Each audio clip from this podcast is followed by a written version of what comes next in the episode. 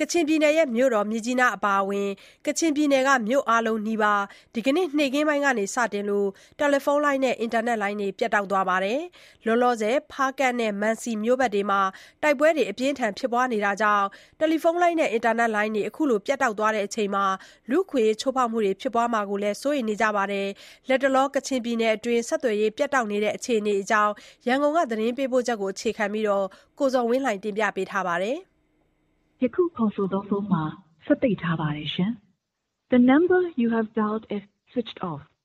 လူကြီးမင်းခေါ်ဆိုသောတယ်လီဖုန်းမှာစက်ပိတ်ထားပါတယ်ရှင်။ Sorry, the number you have dialed is power off. ဒါကတော့ကချင်ပြည်နယ်မြို့တော်မြစ်ကြီးနားအပါအဝင်မြို့ကြီးတော်တော်များများကို VOA ကဖုန်းခေါ်ဆိုချိန်မှာပြန်ကြားလာတဲ့အသံပဲဖြစ်ပါတယ်။ကချင်ပြည်နယ်အတွင်းတယ်လီဖုန်းလိုင်းတွေဒီကနေ့နေ့ခင်းကစတင်ပြီးပြတ်တောက်နေသလိုအင်တာနက်လိုင်းတွေလည်းပြတ်တောက်နေတာပါ။ လက်ရှိ ကချင်ပြည်နယ်အတွင်း ဆက်သွယ်ရေးအခြေအနေကို တရုတ်မြန်မာနယ်စပ်ရောက် ကချင်စာနယ်ဇင်းသမားတဦးက အခုလို ပြောပြပါတယ်။“ဒီနေ့မနက်ပေါ့နော်။အစောပိုင်းမှာတော့ မြစ်ကြီးနားမှာရှိတဲ့ သူငယ်ချင်းတွေနဲ့ စကားပြောလို့ရတယ်။လိုင်းလည်း စိမ်းတယ်ပေါ့နော်။၁၂ နာရီလောက်ထိ အင်တာနက်လိုင်းတွေလည်းရတယ်ပေါ့။အဲဒီနောက်ပိုင်းမှာ လိုင်းက လုံးဝမရတော့ဘူး။ဖုန်းခေါ်လည်း မရတော့ဘူး။ဗန်းမော်ဘက်မှာလည်း ခေါ်တယ်။ဖားကန့် တိုက်ပွဲဖြစ်နေတဲ့ ဖားကန့် နမ့်ခမ်းဘက်မှာလည်း လုံးဝ ပြတ်သွားတယ်ပေါ့။ ဟိုပင်တို့ဘာတို့ဘက်မှာလည်းပြတ်သွားပြီ။တော်တော်များများမှာပေါ့။ကချင်ပြည်နယ်တော်တော်များများမှာပြတ်တယ်ပေါ့။ခါတိုင်းကတော့ဖားကန့်မှာပြတ်တယ်ပေါ့။ဟိုတလောတုံးကလည်းမြစ်ကြီးနားတို့ဘာတို့ဘက်မှာဝိုင်ဖိုင်လိုင်းတွေပြတ်တယ်။ဒါပေမဲ့အင်တာနက်လိုင်းတွေလာတယ်ပေါ့။ဒါပေမဲ့ဒီလောက်ကြီးမြို့အများကြီးမှာဆက်သွယ်ရေးတွေတခါတည်းပြတ်တာကတော့ဒါပထမဆုံးပဲထင်တယ်။တော်တော်များများပြတ်နေတဲ့အခြေအနေဟုတ်တယ်။”ကချင်ပြည်နယ်တခုလုံးလိုအဆက်အသွယ်တွေပြတ်တောက်တာနဲ့ပတ်သက်ပြီးဘာကြောင့်ဆိုတာမသိရသေးကြောင်းလည်းသူကအခုလိုဆက်ပြောပါတယ်။“အဲဒါဘယ်လိုကြောင့်ပြတ်တာလဲဆိုတဲ့ဟာတော့ သေချာတော့ကျနော်လည်းမသိဘူးပေါ့နော်။ဟိုတလောတုံးကမြစ်ကြီးနားမှာပြတ်တာကတော့စစ်ကိုင်းဘက်မှာတိုက်ပွဲဖြစ်လို့သူတို့ဖိုက်ဘာကြိုးတွေထိပြီးမှပြတ်တယ်လို့ပြောတာပေါ့။ဒီမှာအခုအခြေအနေကဘာကြောင့်အဲလိုမျိုးဖြစ်တယ်ဆိုတဲ့ဟာတော့မသိရသေးဘူးဖြစ်နေတယ်။ဗြုန်းကနဲဖြစ်သွားတယ်ဆိုတော့ဟိုဘက်ကဆက်သွယ်ရေးအဖွဲ့တွေနဲ့လည်းဆက်သွယ်လို့လည်းမရဘူးပေါ့။အဲလိုမျိုးဘာကြောင့်လဲဆိုတာလည်းမသိနိုင်ဘူးဖြစ်နေတယ်။” အိန္ဒိယနိုင်ငံအခြေစိုက် KHRW ခေါ် ကချင်လူ့အခွင့်အရေးစောင့်ကြည့်ရေးအဖွဲ့က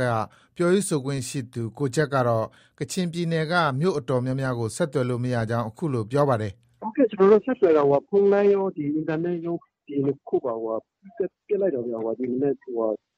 ၁ နာရီ ဝန်းကျင်မှာပေါ့နော်။ဆက်သွယ်လို့ မရတော့ဘူး။အခု ကျနော်တို့က မြစ်ကြီးနား၊ဝိုင်းမော်ပေါ့နော်။ဒီဘက်အခြမ်းကို ဆက်သွယ်တာ မရတော့ဘူး။လုံးလုံးကို မရတော့ဘူး။ အခုကမြို့နယ်တွေ အားလုံးနီးပါးပေါ့နော်။ကချင်ပြည်နယ်အားလုံးနီးပါး ပြတ်ထားတာဗျ။အခု ကျနော်တို့ ဘယ်သူမှ ဆက်သွယ်လို့ မရသေးဘူးဗျ အခုချိန်ထိ။”ဒီလို တပြည်နယ်လုံး အဆက်အသွယ်ပြတ်တောက်နေချိန်မှာ လူ့အခွင့်အရေးချိုးဖောက်မှုတွေ ဖြစ်လာမှာကို စိုးရိမ်ကြောင်းလည်း သူက ဆက်ပြောပါတယ်။“အခု အင်တာနက်လည်း မရ။အခြေအနေ ဘာဖြစ်နေလဲမသိတော့ဘူး။အခုဆိုကျနော်တို့ ပြ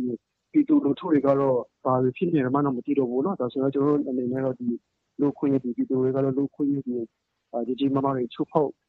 ခံရမှာကို ဒီလိုမျိုး စိုးရိမ်တာပေါ့။ အဓိကကတော့ကချင်ပြည်နယ်တပြည်လုံးကိုထိခိုက်တယ်ဆိုတော့သူတို့ကတော့ပြည်သူတွေကိုတပ်ကစုဆောင်းဖို့ပေါ့နော်။ဒီဟာကိုပဲသူတို့ကတော့အဓိက Target လုပ်ပြီးမှလုပ်လာတယ်လို့တော့မြင်ပါတယ်ဗျ။စိုးရိမ်တာပေါ့နော်။”ဒီရက်ပိုင်းမှာတော့ဖားကန့်၊မံစီနဲ့ဟိုပင်မြို့နယ်တွေမှာစစ်ကောင်စီတပ်နဲ့ KIA ပူးပေါင်းတပ်တွေအကြားတိုက်ပွဲတွေဖြစ်ပွားနေတာပါ။ကချင်ပြည်နယ်အတွင်းမှာပြီးခဲ့တဲ့နှစ်နိုဝင်ဘာလအတွင်းမြို့နယ်တချို့အင်တာနက်လိုင်းတွေပြတ်တောက်ခဲ့ဖူးသလိုဒီဇင်ဘာလအတွင်းမှာတော့မြစ်ကြီးနားမြို့မှာတပတ်နီးပါးကြာ